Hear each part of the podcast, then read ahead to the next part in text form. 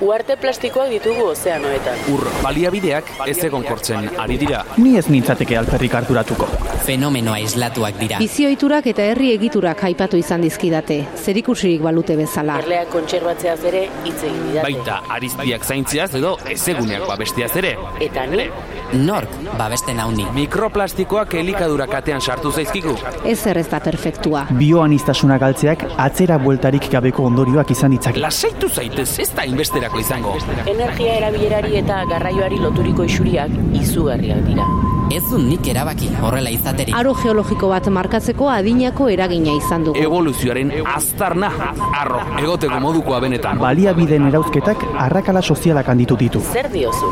Nik ez dut alakorik egin. Eragindako inpaktuak direla eta muturreko fenomenoak ugaritu dira. Nire inguruan ez dut hori sumatu. Euri azidoa bertan da. Bizitzak aurrera darrai. Bai? Ziur, Gelditu makina. Gelditu makinak.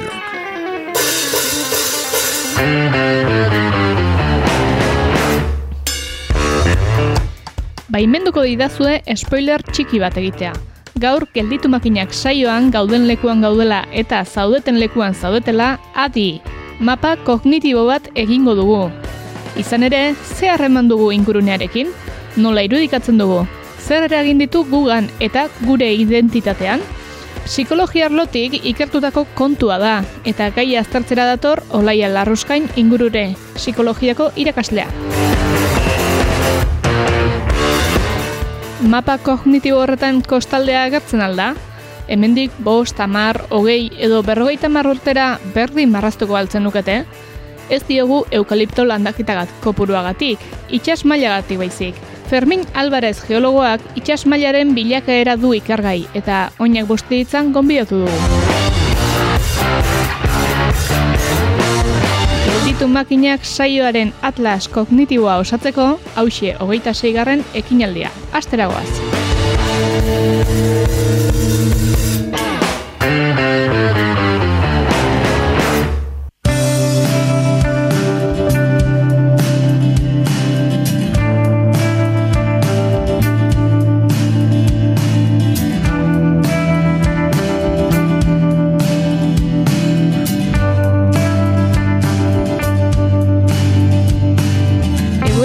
Soziologikoa hainbat esparrotan antzeman daitekeela, gero eta agerikoagoa da.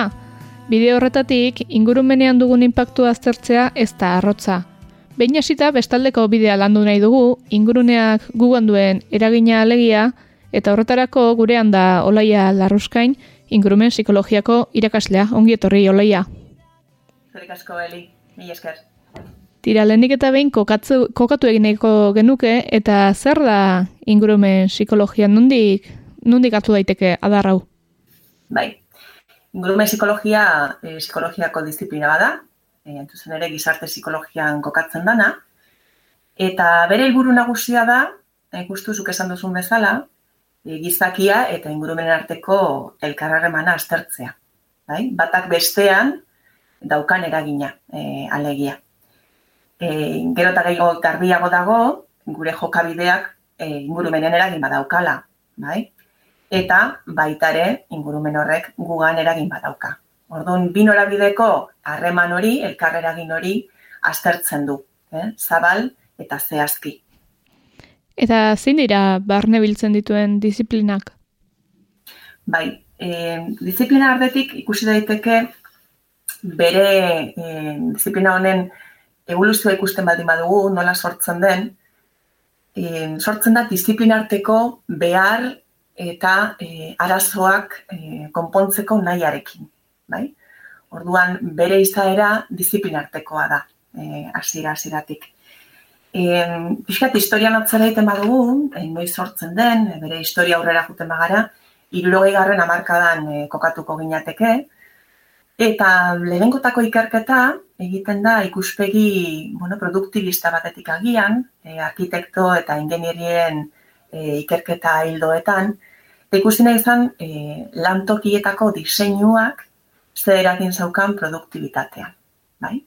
So, ikuspegi espezifikoa ikusten duzun bezala eta eta bueno, lanari lotuta, ezta. Hortik aurrera, e, garapen e, pixkanakakoa eukizuen, baita ere, eta gero eta gehiago bere izaera propioa e, sortzen ez da? Bai, e, mapa kognitiboekin, e, norberaren e, espazio pertsonala zein den, zehazten duten e, teoriak eta kontzeptuak, e, soziopetoak diren espazioak edo soziopeguak direnak desberdintzen dituenak, bai?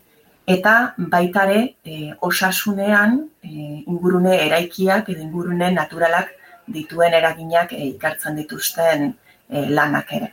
Eta guzti horrekin, ba, ja, laro garren amarkadatik aurrera, ba, unibertsitatean ere bere lekua dauka. E, disiplina honek, e, ikerketa hildo espezifiko bihurtzen da, aldizkari zientifiko e, espezifikoak ditu, eta, bueno, ba, ikusten da, e, lan arloan ere, ba, gero eta kabida gehiago daukala, bai?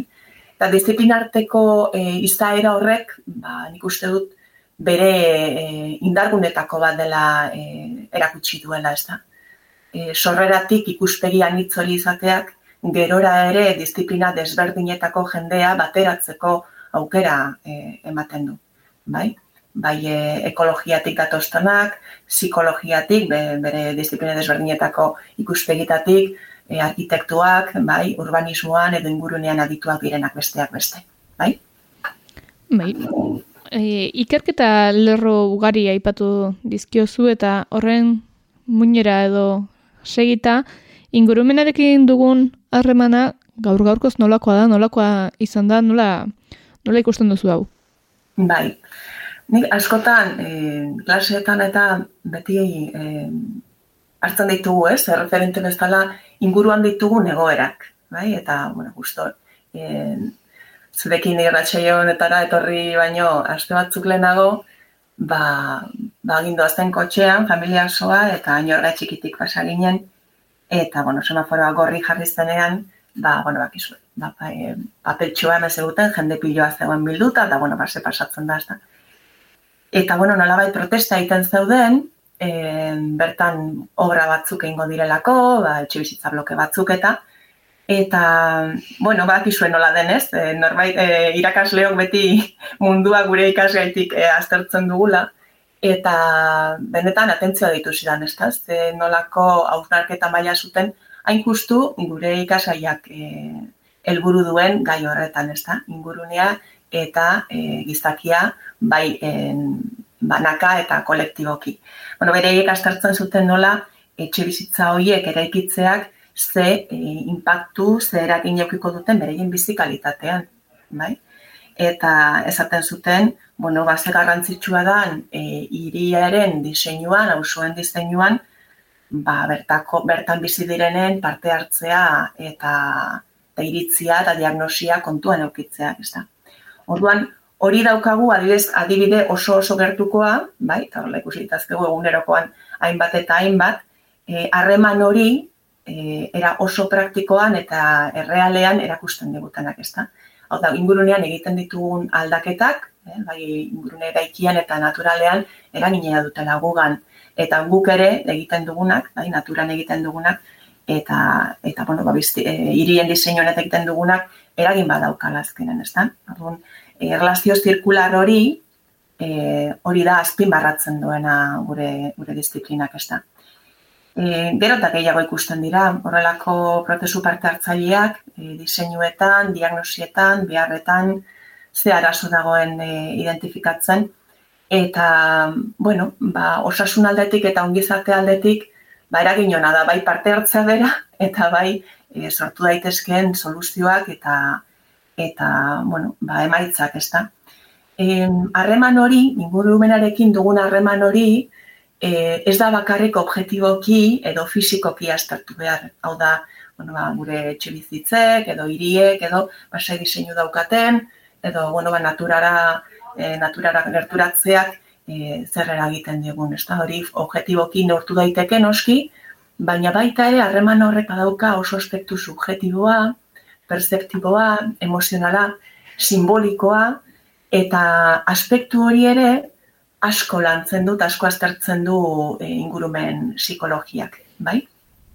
Gaur gaurko, zaipatzen dituzun horiek berak, ba, aspektu emozionalek eta zer nolako pixua dute erabaki Bai, hemen agian e, banatu ditzazkegu aspektu desberdinak, bai? E, emozioak e, nolabait protagonismo daukan ingurumena eta gizakeren arteko erlazio horretan. Parte batetik e, ikusi dezakegu natura ongizate edo erlazazio, erlazazio gune gisa ikuste horrek, bai? Eta hor, baikarketa gero eta gehiago daude. E, ze natura paisai edo ingurune ditugun nahiago, nun sentitzen garen e, obeki, bai, e, emozionalki, fizikoki, eta badago kontzeptu bat, e, gurume psikologian e, gero eta garrantzik gehiago daukana, espazio berriztagarriak deitzen zaienak, bai? Eta mm, inguru hone hoiek, ingurumen e, espezifiko hoiek, gure osasunean eragin positiboak e, e, daukatela ikusi da, bai? E, orokorrean gehiago ingurune naturaletan, baina baita ere hirietan, e, zentzu horretan, e, diseinatzen diren espazioetan, bai, parkeak, besteak beste.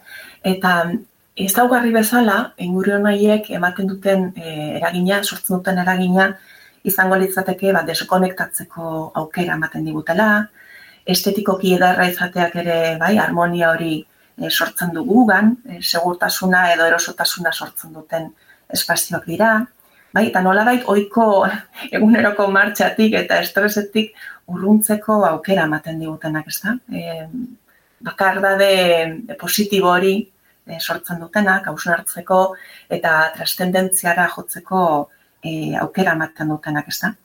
E, hori ikusi da baitare, e, bueno, COVID garaiko konfinamenduan eta e, ze efektu duten, ez da? Ze e, txibizitza mota ditugun, horrek zer egin daukan gugan, emozionalki, fizikoki, ura osasun aldetik.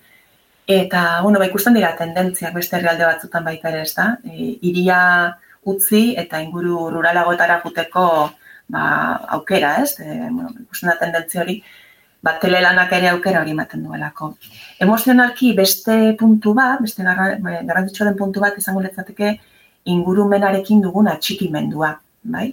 e, psikologian oso ezaguna da, bai, atxikimenduaren kontzeptua, eta gure disiplinak e, justu aspektu hori e, txertatzen du ingurumenarekin lotuta, bai? E, guretzako garrantzitsuak diren inguruneak emozio batzuk sortzen digute eta e, garrantzitsuak diren toki edo leku hoiekin nola bateko lotura e, esanguratsu bat e, daukate, bai? eta orduan horri ditzen diogu lekuarekiko edo tokiarekiko atxikimendua, bai? Eskala desberdinetan izan daiteke, eh? niretzako izan daiteke, bueno, ba, parkeko zuaitz bat, bai? E, ba, garrantzitsua da, ba, nola baiteko oroitzapenak edo emozioak sortzen dizkidalako, izan daiteke auzo batekin, kale batekin, eh, atxikimendu izatea, realde batekin. Eta sortzen dizkiguten emozioak, ba izan daitezke bai positiboak, eh, bai negatiboak, bai ambiguak batzutan, ez da?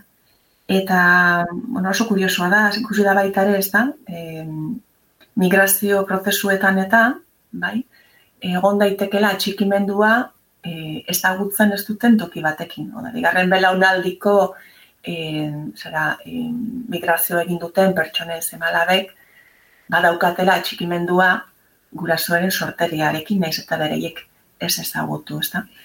Orduan, atxikimendu hori e, positiboa baldin bada, oda bat ez ere emozio positiboak sortzen baldin baditu, ba, e, eragin e, positiboa dauka gure osasunean. E, segurtasuna sortzen digutelako, e, gertutasun hori, e, non baitekoa zaren e, zentzu horrek ba, osasunean eragin e, positiboa dauka. Eta, bueno, gero ikusi dezakegu baita ere e, mapa kognitiboek e, daukaten garrantzia, ez da, aspektu emozionalekin daukaten erlazioa. Bai, hori bera galdetu nahi nizun, ea, mapa kognitiboak nola eratzen diren? Ba, itz, itz potoloak dira batzutan, ez da? Bai, hori da. Haien, urrun, urrun ikusi ditzako mapa kognitiboa eta, eta zer da hori, ez da? Da, bueno, guk e, klasean, e, egiten ditugu ariketa hauek, eta, bueno, oso pasatzen dugu, ez da? zaten digu, ba, bueno, konkretuki, zaten diet eh, marrasteko donostiako mapa, bai? Orduan, ba, ikasle bakoitzak marrasten du e, beraien donostiko buruan daukaten mapa, ezta? Eta, bueno, ba, beti ez da ez dakit marrazten, eta, bueno, olako gauzak, baina oso oso interesgarria da, e, binaka edo irunaka jartzen direnean, eta ikusten dutenean, mapa oso desberdina dela, bai. Orduan, bakoitzak, herri edo hiri bateko daukagun mapa hori, buruan daukagun mapa hori, da mapa kognitiboa, bai. Eta e, mapa hori e, ez da estatikoa, bai, dinamikoa da. Hau da guk e, espazio batekin daukagun e, erlazioak mapa hori aldatu dezake, bai. Zen mapa horietan ditugu e, bueno, ba, guretzako esanguratsuak diren e, oinarriak, e, tokiak, leku erreferenteak eta baita ere gero eskatzen diet iria nola mugitzen diren, bai? Horrean ikusten ditugu ba, rutak, e, ze bide egiten ditugun eta bueno, desberdintasunak baita ere e, bueno, pertsona bakoitzak representazio hori nola egiten duen, ez da? Hori izango litzake mapa kognitiboa. Eta, bueno, ondo pasatzeaz gain, bueno, ba, erakusten digute baita ere, hiri horretan nola kokatzen garen, toki horretan nola kokatzen garen, ez da? Eta, bueno, horrek badauzka aspektu praktikoak eta baita ere emozionalak e, praktikoak, besteak beste, irian daukagu, iriari buruz daukagun mapa horrek laguntzen digulako iria mugitzen, bai? Erabakiak hartzen eta bueno, ba, gure plangintza egiten eta sekuentziak e, programatzen. Hau, askotan egiten dugu inkonstienteki, bai? Eta egunero planifikatzen dugu lan nondik narajo, hau ja barneratuta daukagu eta bueno, ez baldin badago gure egunerokoan aldaketarik normalean bueno, oiko bideetatik e, juten gara, bai? Beste ariketa bat ere egiten dugu, mapa kognitiboekin lotuta, eta hemen ikusten dugu, ez, e, bueno, beste hiri batera e, lehengo eskuten garenean nola kokatzen garen. E, hiri horretan nola bilatzen ditugun bideak, eta nola juten garen pixkanaka ere ikitzen hiri horren mapa kognitiboa baita ere. Prozesuak desberdinak dira, eh? ezagutzen ditugun hiri baten mapa kognitiboa e, nola garatzen den eta ezagutzen ez dugun toki batekoa, bai? Eta, claro, ez dakigunean nun gauden, eh? bai, berri baten, toki berri baten, galduta sentitzen gara, bai? Eta galduta e, egote horrek, bueno, ba, sentsazio negatibo sortu ditzazke. Bueno, batzuk, batzuk abentura alzaleagoa gara, edo dira, ez da? Baina orokorrean gustatzen zaigu jakitea nun gauden, eta nundik nora ibili behar dugun, bai? Orduan, bueno, hori litzatu ditzateke funtxean, mapa kognitiboaren e, esan eta eta bueno, emozioekin eta aspektu kognitiboekin daukan erlazioa. Beraz, diozunaren aritik, identitatea ingurumenari lotuta dago? Ba, bai, ba, guztiz, bai, eta e, galdetzen dizutean zu nongoa zara, bai, ba, segituen ezango dugu dena, besta, edo ni hemengoa naiz, edo ni ez naiz hemengoa, bai, eta nongoa zaren horrek, ba, nor zaren horretan ere, pisu handia dauka, bai? Eta norzaren hori identitatea da. Identitatea e, komplexua da, bai? Identitate aspektu desberdina ditu gure nia, e, ba, bueno, nola bait, e, eraikitzen dutenak, ez da? Baina nongo azaren horrek ere, ba, bere garrantzi e, fundamentala dauka, ez da? Guk hori, e, bueno, ba, gure euskal kulturan garbi ikusten dugu, e, baserriekin adibidez, ez da? En, gure abiztenak, e, adi iztenak, bai, basarrietatik datoz gehien bat. Eta, bueno, agian e, zentzu hori edo lehen e, basarriarekin e, izan dugun lotura hori, ba, irietan galdu eginda. Baina, bueno, gure abiztenetan gelditu da e, garrantzi hori, tokiarekiko lotura e, horren e, garrantzi hori, ez da. Eta, bueno, ba, identitatean, eraginak dezake adibidez, bat toki saldatzen dugunean, beste toki, toki batera bizitzera joaten garenean, e, gure ohiko e, herrialdetik ba, e, migratu behar dugunean, eta hor ere identitatean noski badauka bere eragina. Inguruneak, ara, eraberean, eragin ugari izan ditzake, esan aipatu ditugu batzuk, naturala, emozionala, kulturala, eragin horiek guztiek baldute erabaki instituzionaletan lekurik? Bai, eta nik uste dut maila desberdinetan gainera, ez, eh, maila bakarrean. nik uste dut gero eta protagonismo gehiago daukala, e, ingurumenaren e, garrantziak eta ingurumena eta pertsonen arteko erlazio horrek e, instituzioen prozesuetan eta eta erabakietan e, lehen aurreatu dugu e, bai hiri eta herri mailan e, urbanismo plangintzetan edo hirien diseinuetan edo olako e, kudeak eta erabak eta erabakietan em, gero eta gehiago jasotzen dira e, bai beharrak, bai arazoen diagnostiak, ze ase betetzen dagoen, e, hausoetako e, biztipenak, aspektu guzti horiek e, gero eta gehiago jasotzen dituzte, edo jaso beharko lituzkete instituzioetik erabakiak hartzeko orduan. E, gaina parte hartze prozesu horiek ere, bueno, bat tokiarekin daukagun lotura hori indartzen dute, eta baita ere ba, nola baiteko e, bueno, ba, autonomia eta parte hartzeko eta erabakitzeko gaitasuna indartzen dute komunitateetan, ez da, norbere tokiarekin, ingurumenarekin daukagun lotura eta erantzukizuna. Eta hori, aliantza horiek e, sortu daitezke instituzioekin ba, er, harreman e, zirkular hori e, bueno, ba, benetan bete da dein, ezta. Baitare, e, ikusi dezakegu em, legedietan eta arauetan em, bueno, ba, badaukala bere lekua ingurumenaren babesak, bai? Bai, bueno, ba, kutsatzen baldin bada, e, jaso daitezken e, santzioetatik, santzioa kontuan ukitzen baditugu, eta baita ere, ba, instituzioetatik em, bultzatu daitekelako e, besteak beste e, produkzioa edo zerbitzuak era jasangarri baten egiten dituzten enpresa eta erakundeen e, aktivitatea, ez da, adibes, ba, erosketa publikoen bitartez, e, bueno, ba, preferentzien baten baldin bazai horrelako enpresei erakunde eta erakundei ere, ba, sustatu daitekela instituzioetatik, bai, ingurumenaren e, babesa. E, baita ere, e, zein motatako proiektuak edo obra garrantzitsuak egin behar direnean, bueno, ba, egin behar da, ingurumen inpaktuaren evaluazioa baita ere, eta instituzioek ala eskatzen dute. Eta, bueno, ba, badauzka bere akatsak edo beharrak, bai, hemen, bueno, ba, perfektua indik ez da, baina, bueno, ba, eskakizun bada, eta, eta kontuan auki behar da, edo nolako proiektuak egiten eh, direnean baita ere ez da eta bueno, nazioarte mailan eta e, dauden e, agenda politikoak eta ingurumena guzti azpimarratzen dute, bai? ingurumenaren babesa eta jasangarritasuna e, sustatzeko beharra. Eta horrek noski gero e, bere isla da dauka gure tokian tokiko instituzioetan.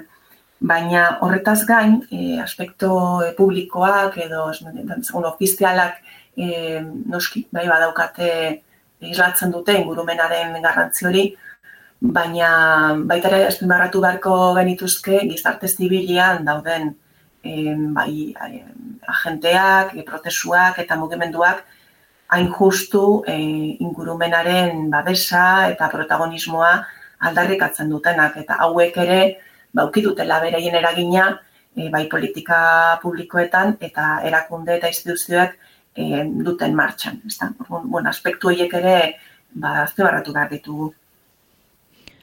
Batez ere gaur egungo egoera edo ari gara eta bideroetik jarraitzeko pixka bat atzera egingo dugu aurreko belaunaldiek e, bestelako harreman bat zuten ingurumenarekin premiekin batera noski honekiko ezagutza ere aldatu eginda gaur egun ez alda ingurumena batez ere aisi alderetekin lotzen eta aurrera begira, zer nolako presentzia izango du gure iruditerian? Bai, arrazia daukazu, e, aurreko belaunaldiek bestelako erlazio ez daukaten ingurumenakin, ez da? E, noski idealizatu gabe, bai, e, azkenean, e, ba, supervivientziarekin ere badauka erlazioa, ez da? Aspektu evolutiboekin. Eta hori ere aztertzen dugu e, gure ikaskaian, ingurumen psikologian, ba, gizakiok ze paisaia ditugun nahiago, hori ere badaukago evolutiboki e, nolabait e, markatu ez da.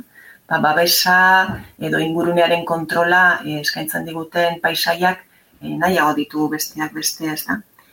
Eta bai, e, aurreko belaunaldietako e, pertsonen eta komunitateen esperientziak astartzen baditugu, noski beraien erlazioen gurumenak inguztiz desberdina da.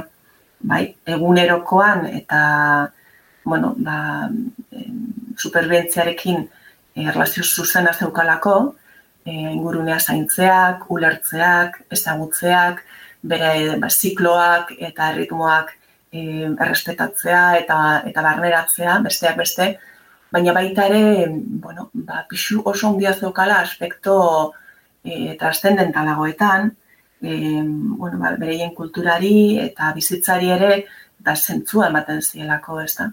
Orduan, e, bai praktikoan, bai egunerokoan eta bai aspektu transcendentaletan, barlazio oso estua zeukaten gure aurreko belaunaldiek naturarekin eta gian irian bizitzeak maurrundu egin gaitu benetan ingurumenarekin e, daukagun e, erlazio horretatik, ez da. Eta, bueno, egin duzun galdera hori ere, ba, bai oso egokia da, normalean, bai lotu izan dugu e, ingurumena edo natura, e, aiziarekin, e, turismoarekin, bueno, kirola egitearekin, ez da? Baina nik uste dut baita ere, e, bizitzen ari garen, e, bueno, ba, epidemia honek e, prioritate horiek ere aldatu dituela, ez da? Eta batez ere e, konfinamenduan e, gertuen dugun ingurumenarekin e, izan dugun esperientziak Bueno, ba, nola baita ez duna, oinak lurrean jarri dizkigu ez da. Eta ikusi dugu bazte garrantzi daukan, ba, gure etxeak, gure e, espazioak, e, natura, naturarekin e, erlazionatzeko dugun aukerak edo aukera faltak, eta, eta noski, ba, bai, ba, turismoan, eta ba, badauka bere pixua, baina nik uste dut gero eta gehiago e, gerturatu dela, e, presente egin dela eta erreala bihurtu dela ingurumenak ze garrantzi daukan gure e, ongizatean. Bai? Ingurumenak, bai ingurumen eraikiak, bai, da, gure etxeak, gure auzoak, gure herriak, eta baitare, baitare e, naturaren behar hori e, erakutsi digula, ez da? E, denok balkoian, zutenek, noski, edo terrazan, Eta, bueno, ba, baserrian biztenak, base, azte sorte auki duten, ez da. Eta hor ikusi da, harreman hori behar badela. Eta ongizatearekin lotua dagoela, eta eta osasunarekin lotuta dagoela, ez da.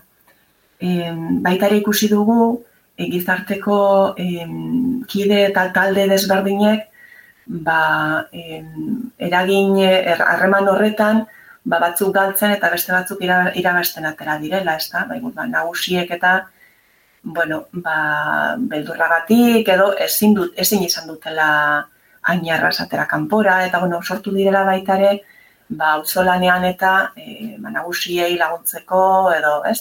E, koesiori, auzotaren arteko koesiori e, lantzeko prozesuak, ez da? Kontzentzia gehiago agian eragin digula, e, ingurumenarekin dugun erlazioan dauden desberdintasunetaz eta baita ere behar desberdinetaz, ez da.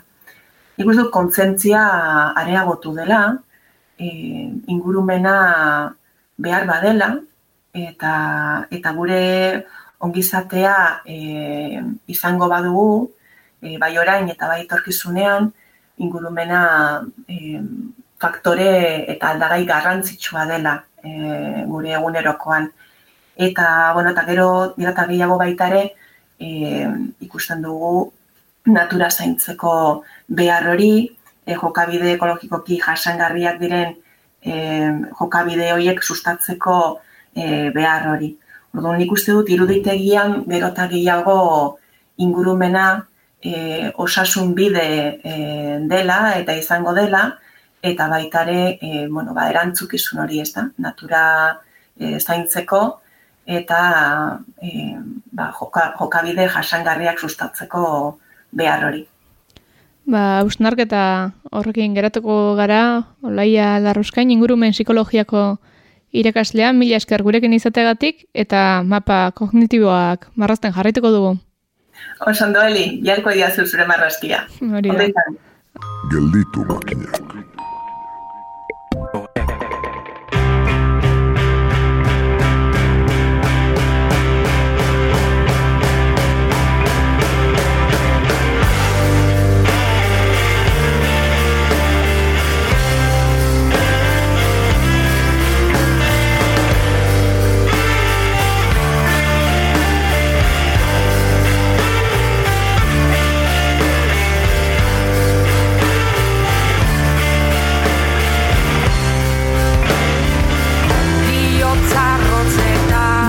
Etengabeko aldaketa batean oinarritzen da eta noski hori itsasoan ere aplika daiteke. Itsas maila igotzen ari dela diote adituek eta honen arrazoietan, ondorioetan eta ikerketetan sakondu asmoz, Fermin Alvarez, geologo eta ikerlaria gonbidatu dugu gurera. Ongi etorri, Fermin. Eskerrik asko. Tira, lehenengo galdera zabal xamarra izango da agian, baina zein da egungo itsas mailaren egoera? Bueno, en, egun itxasmaia igotzen nahi da, eta geoz eta eskarroa da igotzen. Hau, da, itxasmaian igoera azeleratzen nahi da. Gaur egun, irukoma bat milimetro iotza itxasmaia urteko, baina aurreko erregistroi biratzen bai, aurreko mendian izan dugun itxasmaian igoerai, guzti, guzti da, hau gaur egun, ia bi aldiz askarro jotzea dela itxasmaia, ez? Ba, mila bedatziren garren urtean hasita, orduan azteia gure erregistroak. Gaur egun arte gutxi gara bera, bat koma lau, bat koma sei milimetro urteko jo da itxasmaia. Baina azken bost urtei biratzen badio ikuste du abiadura hau geoz eta azkarragoa dela eta gaur egun ba hori irukoma bat milimetro urteko iotza dela. Hau zer gaitik handa ba aldaketa klimatikoan ondorio. Hau da, gizakiak bere, bere bizimoduan ondorio e, hogei garmen mende hasieratik gutxi gora bere industrializazioaren ondorio karbono edo berotegi gasak emititu ditu atmosferara, honek berotegi efektu bat sortu da, da lurreko temperatura igotzen nahi da, honek hainbat prozesu naturalei eragin dio, tartian izotz maia, mas handien urtzeai. Eta honek ondorio bezala daka, ba, itxas maila globala igotzen nahi dela. En, hau itxe, aldaketa klimatikoa gauza jakina da, baina bere on- ondorioak gaur eguna aigea jasotzen, eta geroz eta azkarragoa hasiko gara jasotzen ondorio hauek.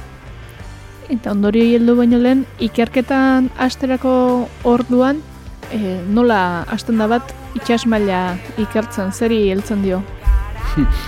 Eh, ni kostakoa naiz. Zara uste erra naiz, eta horten, ba, txikitatik ikusiet itxas maia aldatzen, kosta aldatzen, ez? Nola neguan, ba, ondartza ondarri gabe gatzesan, eta nola maleko jaulatuz jostezan, eta, eta nola udaran badana laseixo zen, ez? Honik horri heldu nion, orduan hortik hasita aldaketa klimatikoa hasi ikasten, itxas ingurunek hasi ikasten, eta momentu batean Dublinak utoko aukera zizkaiten. Orduan gaur egon, no, ba, Atlantikoan ematian itxasmai aldaketak ikasten, naiz eta Euskal, Herri, Euskal Herrian ez dan, baina, bueno, nire ide Euskal Herri. Aurrek gisa, ohikoa izaten da e, iraganeko itsas mailak ikertzea zu une honetan hortantxe ari zara. Bai, ala da. En, kontua gaur egun itxasmaia satelite nahi dezen Baina nahiko teknologia berri bat da, sateliteekin neurketa oso esatza ditugu, baina hogeita bat garen mendu hasieran hasi ginean neurketa hauek hartzen. Gero, mareometroa ditugu, mareometroak hogei garren mende hasieran garatu zen instrumentu bat dira, baina egun erregistroa bai denboran eta espazioan nahiko motza. Honek ez ditu usten, itxasmaian aldaketa, ondo denbora nola aldatu den. Hortu nortako erabiltzen ba, berrerekitze geologikoak. Tartean hainbat teknika daude, abiretako sedimentu gaztatzea, teknikorak eta arrezifeak, kostako garroten estartigrafia, eta ertasun abiretako sedimentu gaztatzea, eta honekin saiatzen egiten da, ba, azken amarkadetan emanen itxasmaian ingura hauek ulertzea, hau gero, en, etorkizun hurbil batian emango den itxasmaian igoera ulertzeko. Hortan aplikatzeko. E, itsas maila igoera ulertze hortan, iraganeko itsas mailetan ez zen izango giza eraginik noski. Ez, ez, en, itxasmaia beti onda aldatzen, igoera, jetxierak eman dira, eta bar, Euskal Herria guen dela iruroita mar milioi urte urazpian zeon. Edo glasiazio garai batian, non izotz masa handiak zeuden, ba itxasmaia asko geizte zen. Orduan, itx, en, itxasmaia aldatu zuen da, bai denboran, bai espazioan. Kontua dela, etorkizun batian eukiko du, etorkizun hurbil batian eukiko den itxasmaian igoera ulertzeko beharrezkoa dela e, iragana ulertzea, ez? Bai, itxasmaia nola aldatu duen, ze prozesuk eragin duen hontan, prozesu bakoitzak nola aldatu duen, eta ze baldintza klimatikopean eman zian aldaketa hauek, ez? Zein adibidez CO2 proportzioak atmosferan edo zein zen temperatura. Orduan, gaur egungo itxasmaian igoera hau, lehen zamezela da, ba, izot handien urtzean ondorioz, ez? Ba, edo glasiarrak adibidez pirinotan ikuste, ikustean zoze. Eta etorkizun hurbil batian, espero da hola jarraitzea. Da, gaur egun artiko alin bada izot masa handien urtzen, azkarren urtzen nahi dana, etorkizun hurbil batian, espero da, ba, Groenlandia eta Antartida sartzia joku hontan. Eta ordu nago betu ulertzeko beharrezkoa da aldatzeen ulertzean nola izotz masa handiak aldatu jan denboran eta honek nola eragin dion itxas maiai. Orduan, gaur egun esfortzu handiak aidia egiten, gaur egungo baldintza klimatiko antzekoak zeuden garaitan itxas maia nola aldatu zen ulertzen, ez? Hola ikuste du adibidez, ba, pliozenoan, dagoen dela iru milioi urte, en lurrean zeuden, ba, mende amaierarako espero ditugun karbono dioksido proportzea eta konzentrazioak eta temperatura espero zen bi, e, izan zen biru gradu altuago dela espero deun amende amaierarako eta kasu hortan ba, en itxas maia globala amar eta hogei metro artean hilo zen ez? Orduan, beharrezkoa da ulertzea e, nola aldatu den itxas maia ze baldintzapean ulertzeko etorkizun batean ze, ze, ze izango den Eta iragan azari garela, e, itxasmailan izan diren gora bera esanguratsuak zein izan dira? Zein azpimarratuko zen dituzke? Hmm. Ba, gaur egun hiru nagusi aztertzea, ez? Ba, bai, apliozeno aipatueten, aguan dela hiru milioi urtekoa, eta gero pleistozeno garaia dela garai interglasial bat, non lurran baldintzak orkoan oso antzekoak zian, ez? En, guen dela egun dagoita milioi urte, oi, egun dagoita milioi urte barkatu, ba, zehobi konzentrazioak atmosferan gaur egun goan antzekoak zian, temperatua gradutxo bat altuago esan, eta itxasmai orduan 6 metro altuago izan zen eta berdin ba pleistozeno bertan laureun mila urte inguru, guen dela laureun mila urte inguru, ba, berdin, kontzentrazioa, zehobi kontzentrazioa antzekoa zen, temperatura pixka eta altuagoa zen, eta ia mar metro hio zen itxas maia. Gara hauetan ari da fokua jartzen, ulertzeko nola jokan eta ondorioak zin izan daitezken. Aipatzen duzu, 6 metro, mar metro, baina urmaila igoera proportzionala da leku guztietan edo proportzionala izango da, homogenoa da itxas mailaren igoera? Ez, itxasmaia, ez da, itxasmaia nigora aldaketak ez dira proporzionala izak, e, izan eta ez izango. Eta hau da, bai itxasmaian, itxasmaia aldaketetan hainbat prozesuk ere egiteutelako, bai eskala ezberdin bai denboran zein espazioan. Hola dibidez gaur egun, en bizkaiko golkoan gure kostan, 6 mm urtekoari aldatzen itxasmaia, por txertu hau dela mundu mailan iotzen ari dana baino askartxeago, Mediterraneoan adibidez, 2,5 mm urteko iotza, eta Pazifiko mendebaldean, adibidez, ba, bos, metro, bos milimetro urteko aldatzea, da, mundu baian azkarren aldatzea.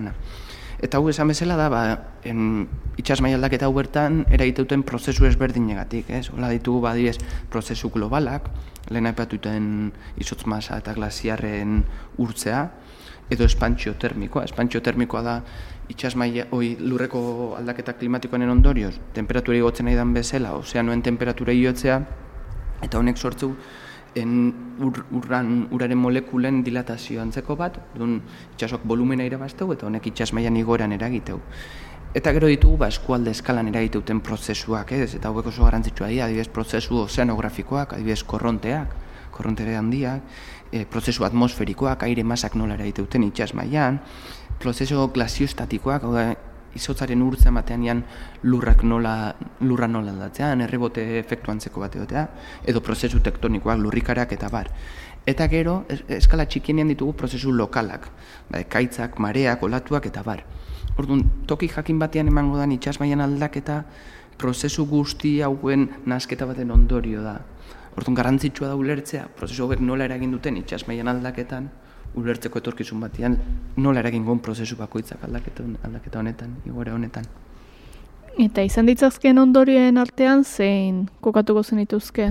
Bueno, itxasmaia igoera ezberdina izangoan bezala tokian toki ondorioak bai ezberdinak izango dira. Ez ondorio nagusiak izango da kostalde, kostaldearen urperatzea, uholdeak eroz eta maizago eta geroz eta biziago izatea, kostaldearen erosioa, hau da, ondartzetan sedimentuaren galera, kostaldeko ekosistema ezberdinetan aldaketak edo galerak, honek biodibertsitatean ditun ondorioakin, eta kostaldeko lurzoru eta uren gazitzea. Hau da, en, txasmailen igoerak ondorio zuzenak izango ditu kostaldearen naturan, zein gizartean naturetan, impactu bat eukiko ekosisteman, aldatuko dira padurak, aintzirak, koralak, eta bat, eta impactu izango gizartean, ez? Impactu bat eukiko en kostaldeko azpiegituretan, eta batez ere kostaldeko jarduera ekonomikoan, ba, bai kostaldeko nekasaritzan, turismoan edo aizialdian, edo arrantzan, ez? Orduan, ondori hauek ulertzeko nola izango dian, beharrezkoa dira tokian tokiko ikerketak. Eta horretaz gain, kontuan hartu behar dugu, ba, kostaldeak ezberdina diala, hau da tokian toki baldintzak ezberdina ditugula, eta beste hainbat faktorek ere utela, tartean ba, nola ekaitzaldiak nolakoak izango dian, nola dan kostan morfologia, adibidez, omen euskal kostan nahiko kosta ber, vertikala dakau, hainbat ameldeekin eta bar, mediterraneoan ez da hola, asko zen lauagoa da. Kostaren okupazioa zein dan, ba, zenba dagoen eraikita kosta, zenba jende bizidan bertan, eta batez ere, eta oso garrantzitsu eruditzen poste hau da, e, puntu hau da, kostaldaren kudeak, kudeaketa nolakoa da, ez? Hau da, zeintzu diren hartuko ditugun neurriak, zeintzu dian egokitzapen neurriak ditugunak, ze gaur egun lurraren kudeak eta batez ere kostan nahiko txarra da. Askotan irigintza plangintzen gatik, ba, ekosistemen galera bat areagotu da, eta honek iteu ba, kostan erosioa altuago izan, eta adibide garbiena mediterraneoa da. bertan mediterraneoan hainbeste hotel, hainbeste irigintza planekin, bertako e, belarren, itxas belarren zelai guztiak erosionatu dituzte, eta gero, honen ondorio da, gauz, eta erosio handiagoa ideala jasotzen. Gaur gaurko, uste duzu nahikoa begiratzen zaiola horri? Mm, geroz eta gehiago, baino ez nahiko, er. E, bai da dugun bizi modelo honen ondorio segurazki, eta egia da bazken ba, bost urtetan bai egala geozetan neurri gehiago hartzen, bain dela gutxi kopo gita izan da, eta bar, eta ematu kontzientzia da hola, en, ba, muga jarri berdiala, eta gure bizi modu aldatu berdala. Kontua da, en, ez baitugu egokitzapen plan hauek neurri hauek hartzen, en ondorioak larriak izango diala, eta gero eta larriago, geroz eta denbora gehiago pasa jarri gaino lehenu, ez? Orduan, uste beharrezkoa iala neurriak hartzea, baina neurriak bai globalak bai, baina gero eskualde eta herri mailan hartu berdian neurria diala. Ze beharrezkoa da ikerketa, beharrezkoa da aldatzi eren aztertzea nola aldan, nola idan aldaketa klimatikoa ere egiten mundu mailan, baina noski herri mailan. Ikerketa aipatu duzu talen ere kontzientzia aipatu duzun bezala, hala ere galdetu nahi nizuke, itxasmailaren igoera fenomeno hau hontan atzera egin daiteke, alegia, ozeanoak, espantxio termikoa aipatu duzun bezala, ozeanoek energia asko dute eta akumulatzeko gaitasuna dute gainera, eta horrek izotzaren urtzean jarraitzea aseguratzen du, beraz, posible da itxasmaiaren igotze fenomenoak geldiaraztea? Ez, ez, ezin da gehatu. Hau da, itxasmaian igoera oso ondo esan desun bezala da, prozesu natural baten ondorio, baina baita gizakiak eragindako prozesu baten ondorio, ez? Orduan, itxasmaiak datorren mendetan gorantz jarraituko, ze en, prozesu natural bat edo gertatzen, eta prozesu natural honek izotz masa hauen urtzeak mendetan jarraituko. Eta gainera ez dakigu nola datukoan. Gero, kontua da, kontrolatzea da kaula igoera, hori egia da. Hau da, gaur egun ditugun emisioak gutxitze baitugu, bakigu emisio hauek ondorio zuzen badaukaela itxas mailan igoeran. Orduan neurriak hartze baitugu eta emisio hauek mugatu itxas mailan igoera mantxotuko dugu. Ezingo duguna da geratu. Orduan en itxas gorak jarraituko du seguru, kontua da ziurgabetasuna handia da hola, nola, nola izango ban. Eta hori Elisa Saez de Murietak aipatu zu, beak en programanetan, eta zu nola, behi goera izango, estenatokiak, ditugun estenatokiak, dian bai emisioen araberakoak, eta bai gizarteren garapenaren arakoak, eh, araberakoak. Ez orduan, eh, ez jakitan zuen handia dago, ulertzeko nola emisio hauen bidea zein izango da, ez? Bai, bai dugu mugak jarrita, e, baino gai izango gara muga hauek betetzeko, neurri hauek betetzeko gai izango gara gure bizimaia, gure bizimodu aldatzeko. Ez dakit, ni gordu da asko dakat. Ba, zure zalantza eta guzti, mila esker egindako ekarpenagatik, ez dakit zerbait geratu zaizun esateko gogoz edo, behintzat ez dizut eh, mikroa hori esan aurretik itxi nahi. Ez, mi esker, guzti bat. Ba, Fermin Alvarez, geologo eta ikerlaria, mila esker gurean izateagatik eta ea Irlandako ikerketak noiz ekartzen dituzun gure kostara. Mila esker. Gelditu makinak, naiz irratian, Eli Pagolarekin. Gaur, gurean, agurtzea zaspertzen ez garen bat. Originaltasunean bi buelta ematen dizkigun bat. Musika pilulak inork ez bezala egiten dituen bat. Etxaun, arregi. Haupa, etxaun. Kaixo, ze moduz? Ongi, ongi, zuzar moduz. Ni hementxe primeran, beste ekarpen berri bat egiteko prest. Sarreren horrelako lorea jasotako gomendio bat eskatu nahi dizugu bueltan. Noski, bai, bai, ordainetan, noski nola ez. Ba, bueno, gaurkoan e, berriz ere birziklatutako materialei buruz hitz egingo dut, eta noski, honek e, musikan edo musikaren e, arloan nola eragiten duen. Ba, bueno, badago jende asko, e, instrumentuak, e, birziklatutako materialekin, edo, bueno, ja, e, e, guztiz e, bukatutako materialekin egiten dituenak. Adibidez, e, skateboard, edo badakizu guk txikitan Sancheski ezaten genion horri, skateboardekin egindako gitarrak e, daude adibidez, ez? Eta gaurkoan, ba hori, e, slide gitar bat, e, gitar baten abestia ekarri dut, edo slide gitar batekin jotako abestia, eta ba hori, skateboard edo Sancheski batekin egina.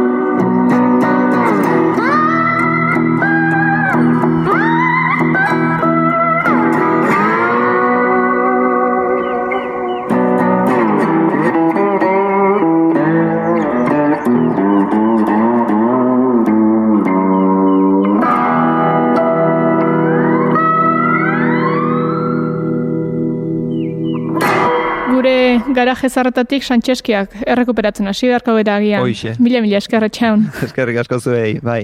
Gelditu makinak. Naiz irratian, Eli Pagolarekin. 教えてどうやって愛してるっていうのか教えてどうやって自由になれるのか教えてどうやって空を飛べるのかそして 何色が幸せなの Kostalde askori bezala, gure saioaren erlojuari ere ari zaizkio azken ondarraleak erosionatzen, eta beraz, agurtzeko une aldu zaigu. Datorren atalean berriz ere buelta emango diogu traman kulutxoari, ordurarte ongi ibili.